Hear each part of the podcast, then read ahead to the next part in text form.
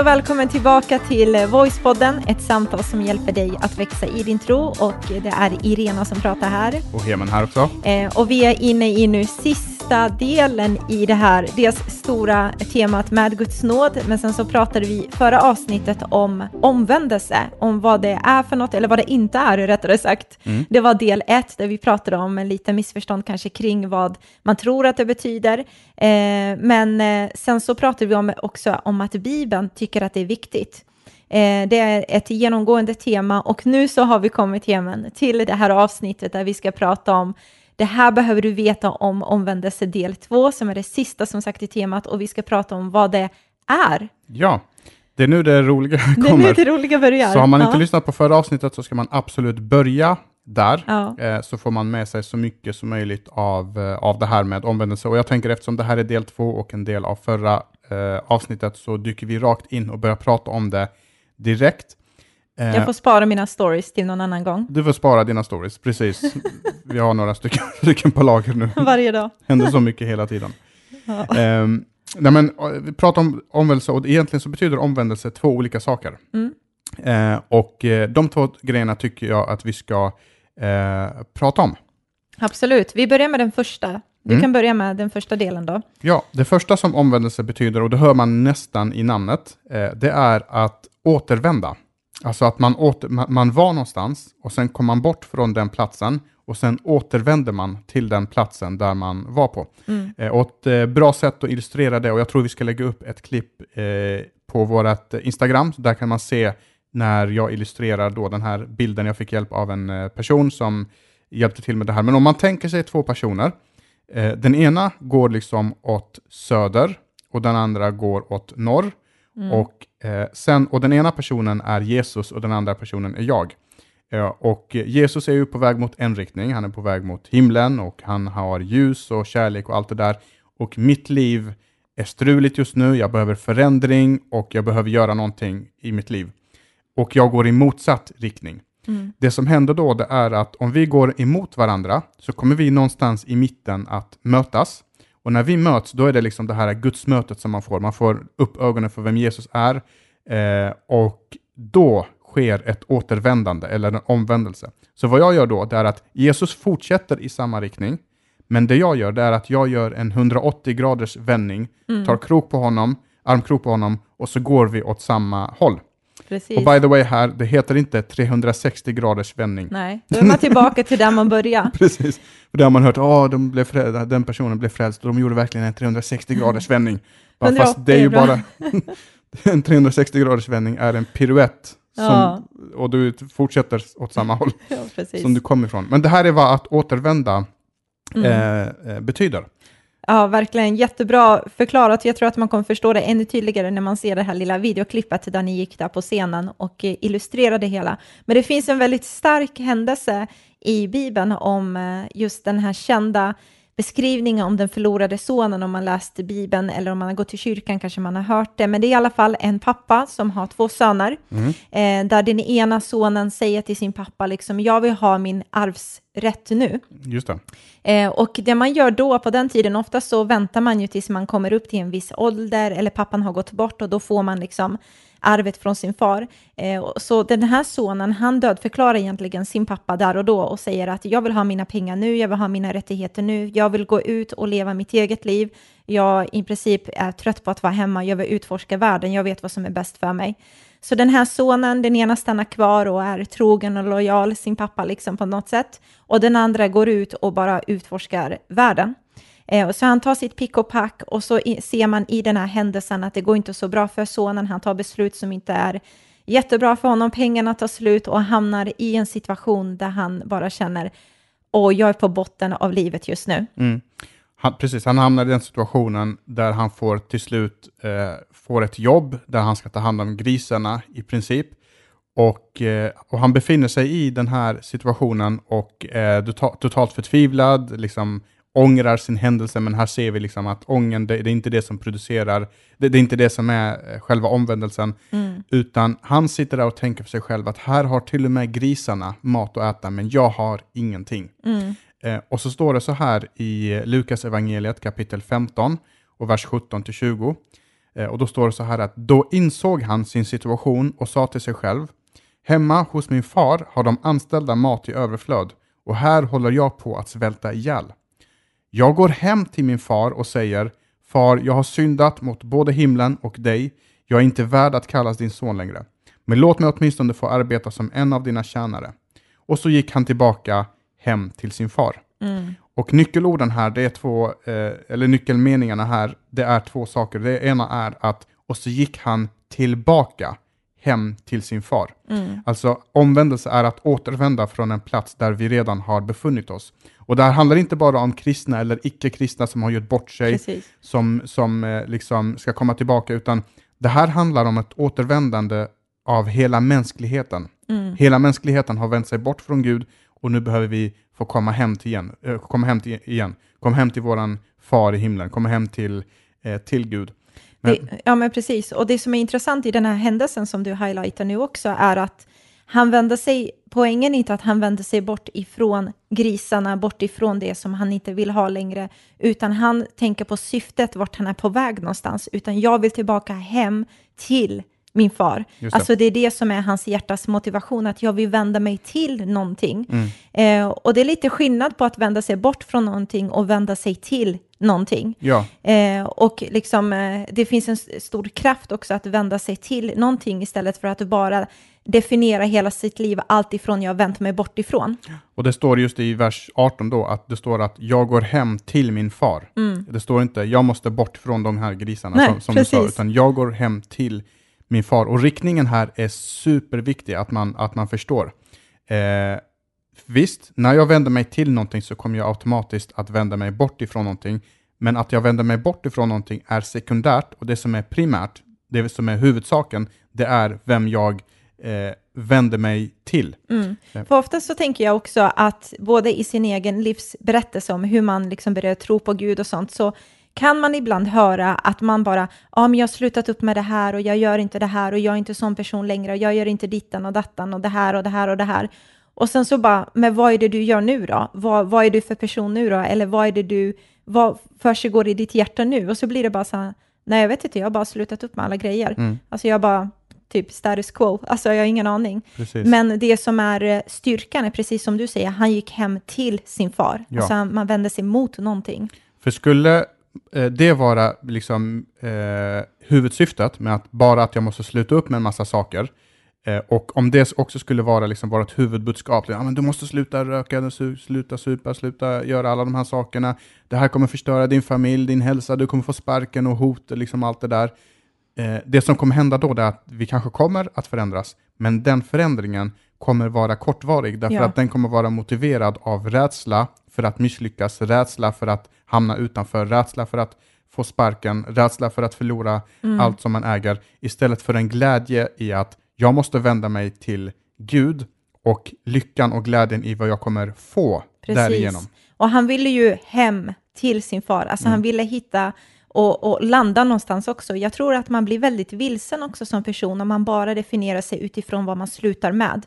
Utan du måste landa eh, och landa i ett hem, om du förstår bildligt talat. Liksom. Vad är det jag vänder mig till? Eh, att vända sig ifrån är i så fall kan vi säga ändå sekundärt, utan det som är huvudpoängen är vad är det du vänder dig till. För jag tror inte det finns någon större kraft i bara det du vänder dig ifrån, utan du måste också fylla det med någonting som du är på väg till. Just det, kraften finns i vad jag vänder mig eh, till helt enkelt. Det var inte i grisarna som kraften fanns, utan Ja. det var i min pappa. Jag måste tillbaka till min pappa, Ja. för där är jag trygg, där mår jag bra eh, och där är mitt hem. Det är att liksom, att komma hem igen.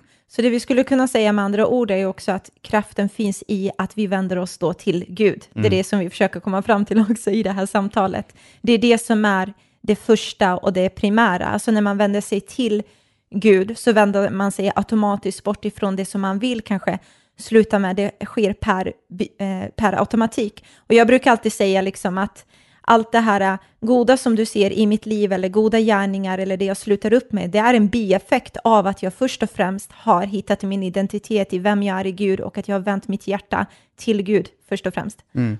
Precis, det är bara en, eh, en bieffekt och det ser man också i den här berättelsen att när han bestämmer sig för att gå tillbaka till, sin, eh, till sitt eh, barndomshem och till sin far så har han redan en lösning. Han har redan liksom spelat upp hela scenariot i sitt huvud. Att när jag möter min pappa, då kommer jag säga det här och det här. Jag är inte värd någonting längre. Jag har syndat mot dig. Jag har gjort fel. Jag vill bara vara din tjänare. Jag, är inte, jag, jag förtjänar ingenting annat än att bara få vara din slav i princip. Mm. Eh, men, men Gud har en helt annan lösning. Och, och när eh, den här fadern eh, ser sin son så har han en helt annan lösning. Liksom, kom hem och, och då finns det en glädje i att man har återvänt, att man Mm. har kommit hem eh, tillbaka. Och ehm, så, så vi kan ibland ha just alla de här eh, grejerna på plats, att det här och det här kommer jag säga, det här och det här kommer jag göra. Men grejen är att när vi får landa hos Gud, då kommer förändring ske nästan per automatik. Vi hade Mm. ett av de här avsnitten där vi pratade om att det är Guds, att, att eh, det är Guds nåd som motiverar oss till att göra det vi vill. Så det där Mm. kommer komma nästan per automatik och då blir det inte prestation.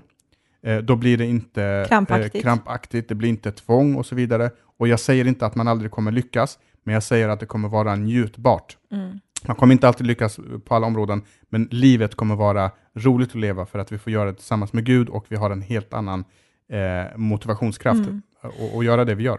Och jag älskar den här händelsen så mycket. Jag tror jag har sagt det typ fyra gånger nu, men eller så har jag tänkt det i mitt huvud. Men det jag gillar med den här händelsen är också precis som du säger att han, sonen, hade i sitt sinne liksom klart för sig hur han skulle säga, vilket tal han skulle framföra och nu så skulle han göra sig redo där för att möta sin pappa. Liksom. Han kanske trodde han är besviken på mig, jag ska inte förvänta mig mycket av honom. Jag kanske bara får bli, kanske bli lite så här eh, satt där på bänken och få vänta in lite tills han liksom har tillräckligt mycket förståelse för mig eller kärlek för mig eller något sånt där.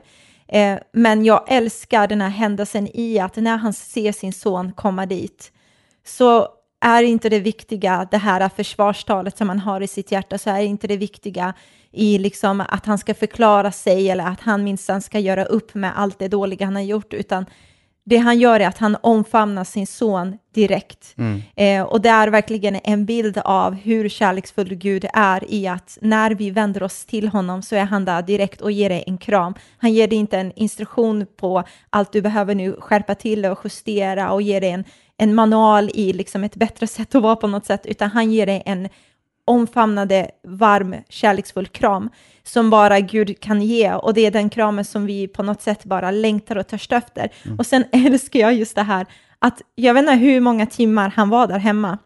Han kanske var där typ en timme, vi säger två timmar, att han rengjorde sig och direkt så vill hans pappa ordna en fest. Ja.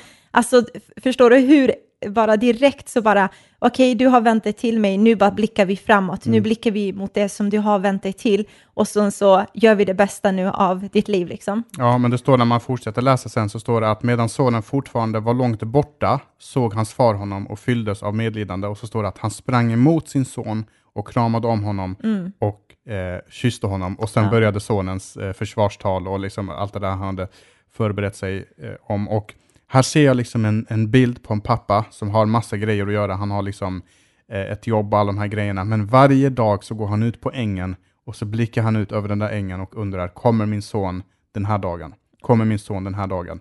Eh, och hur många dagar, hur många gånger eh, det har gått där pappan har fått gått hem igen och konstatera att nej, han kommer inte tillbaka den här dagen.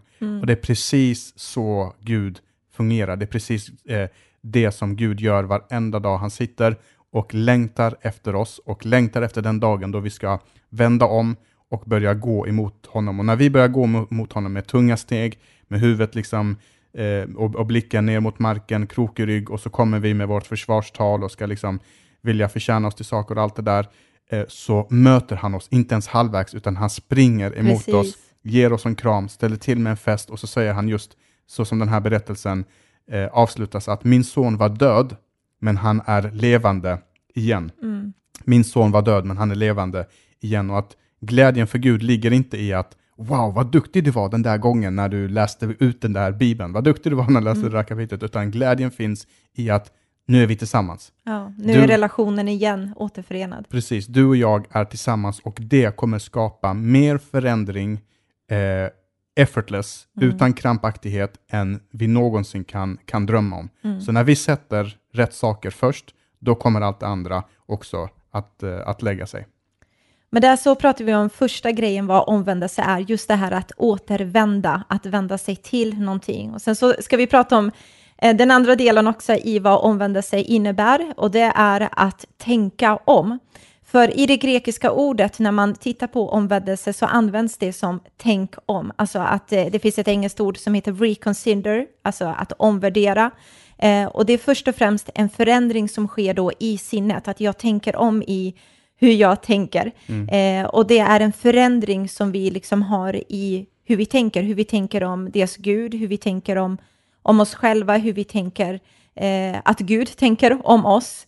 Eh, så förändringen där på, påbörjas i ditt sinne, mm. i hur du uppfattar hur Gud ser på dig, vem du är. Och, och det är precis det som eh, Petrus också menar när han eh, går upp och börjar predika. I förra avsnittet så pratade vi om just det att han börjar prata och sen så frågar folk vad, vad ska vi nu göra med det här braiga som du säger nu liksom? Och så säger han omvänd er. Och i det ordet omvänd er så lägger han i ni behöver tänka om. Mm. Tidigare så tänkte ni på att ni skulle förtjäna er till Gud. Ni skulle göra goda gärningar för att eh, få någon slags poängsystem liksom inför Gud och få en klapp på axeln och, och, och bli tillräckligt bra inför Gud. Men nu behöver ni tänka om. Mm. Eh, det vill säga, nu behöver ni lägga bort det och så behöver ni ta emot den gåvan som Gud ger helt gratis. Eh, och eh, det är det som är eh, liksom omvändelsens kärna. Att nu handlar det inte längre om mina ansträngningar, Precis. utan mina ansträngningar räckte inte till och just därför måste jag lägga mina ansträngningar åt sidan och så måste jag få ta emot den här gåvan som Gud ger mig, den här gratisgåvan och det sen får motivera mig till att, eh, eh till att göra någonting gott. Mm. Och men det är verkligen det är så sant i det du säger, för att ofta så tänker vi i att svaret i vår förändring är i vårt uppförande. Alltså det är ganska mänskligt och ganska så klassiskt att tänka så, att vi ägnar så mycket mer tid åt att ändra oss i det externa än att ändra vårt sätt att tänka. För det känns som att det är lite lättare att kunna justera på det jag kan ta på och det jag liksom själv kan fixa på något sätt och sen så lägger vi inte så mycket energi i vårt sätt att tänka. Mm. Och precis som du säger så säger Petrus att nej men ni har blivit övade eller ni har blivit tränade i att tro så här om Gud. Men jag säger er, ändra ert sätt att eh, tänka kring er uppfattning om Gud och vad Gud säger och vad det glada budskapet faktiskt är, vad Jesus kom med, vad det innebär, mm. hur Jesus ser på dig.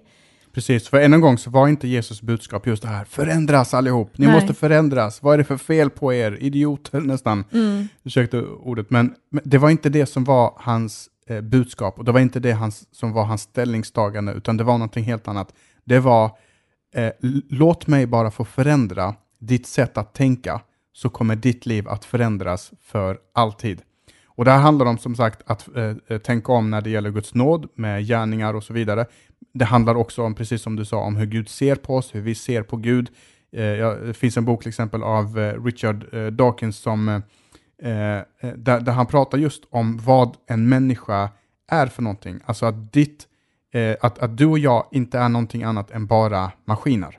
Mm. och att ditt hjärta bara är en pump som pumpar blod och din hjärna är ingenting annat än en central som har ett minne och som gör, ger massa signaler till dina muskler. Och har man den bilden av sig själv så är det en ganska deprimerande bild, inte en motiverande bild som motiverar mig att vilja göra gott, utan då säger Gud istället att vi behöver tänka om, om vilka vi är, vem Gud är, vem som gör vad, eh, att mitt liv har en mening, mitt liv har ett syfte, att Gud tänkte på mig när jag var i moderlivet, det finns en plan för mitt liv, jag är värdefull, jag är inte bara en klump med sammansatta ämnen och, Nej, och celler precis. och så vidare, utan det finns ett värde i mitt liv och det finns en mening också i mitt liv. Så det är också vad, vad, vad att tänka om eh, betyder. Absolut.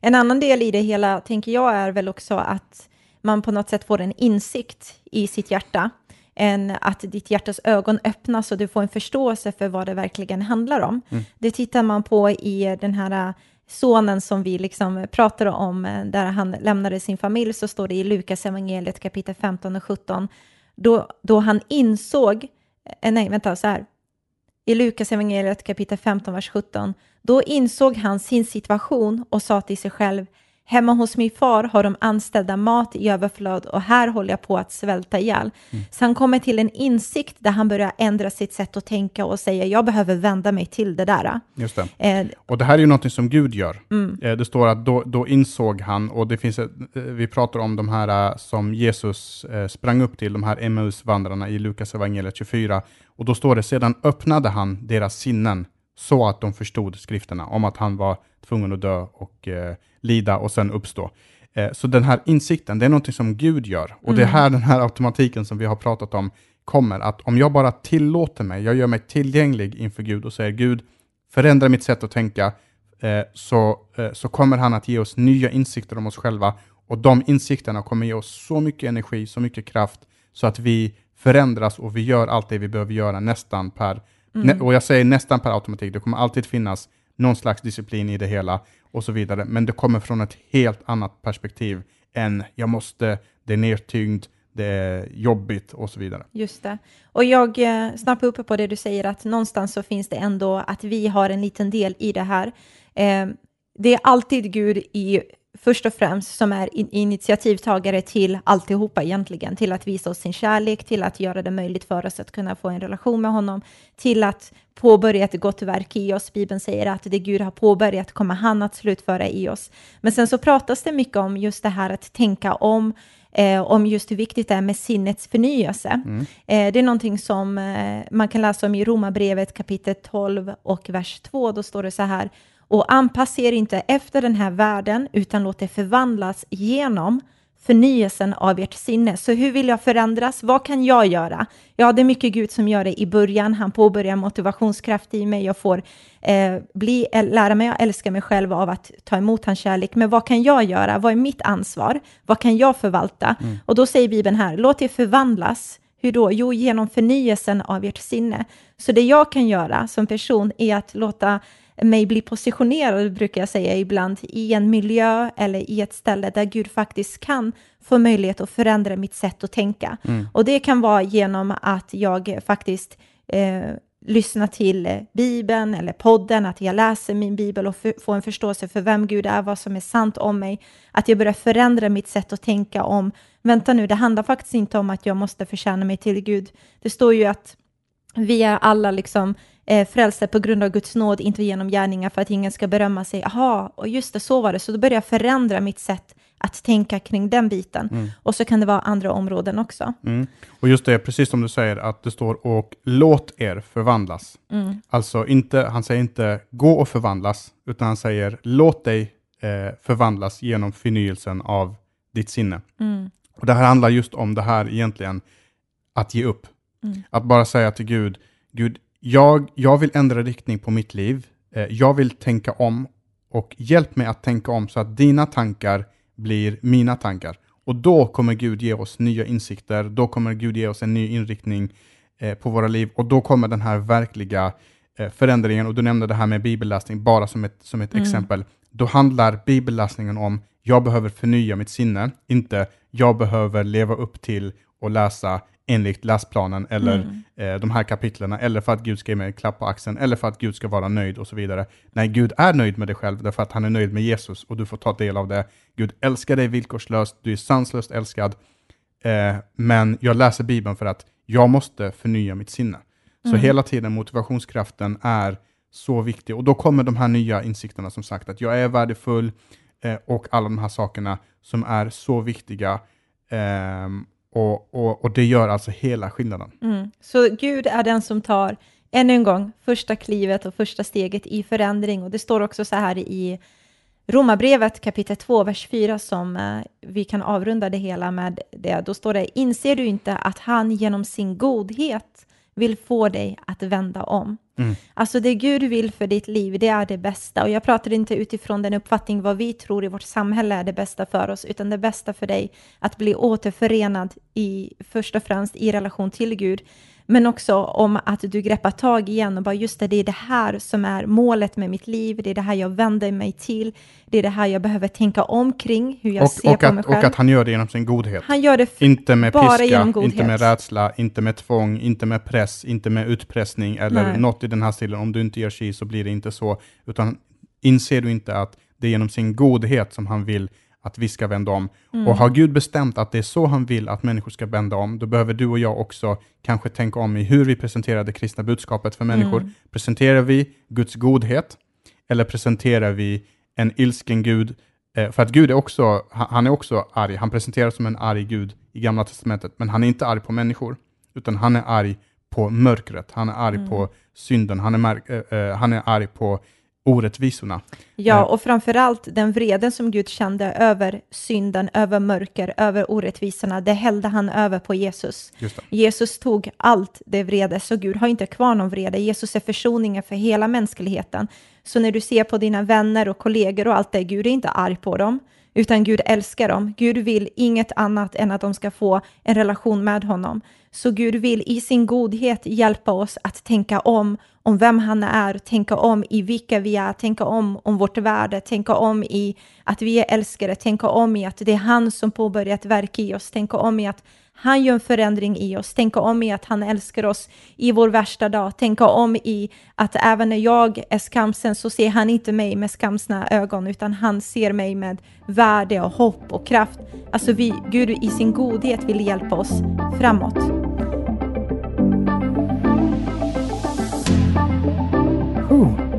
Här var ett långt tema, men det är ett av de viktigaste teman som vi kan ha gjort någonsin. Det handlar om Guds nåd. Ehm, We och made it. made it Oj, to- det lät illa. Ja, det lät illa. Hoppas vi inte tappar följare på det. I alla fall, eh, vi avslutar det här temat nu och eh, jag hoppas verkligen att du har fått ut så mycket av det. Och när jag, eh, liksom, när vi har gått igenom hela det här temat så har vi fått den här känslan av att wow, kristendomen, det kristna livet, det är ett, ett härligt liv.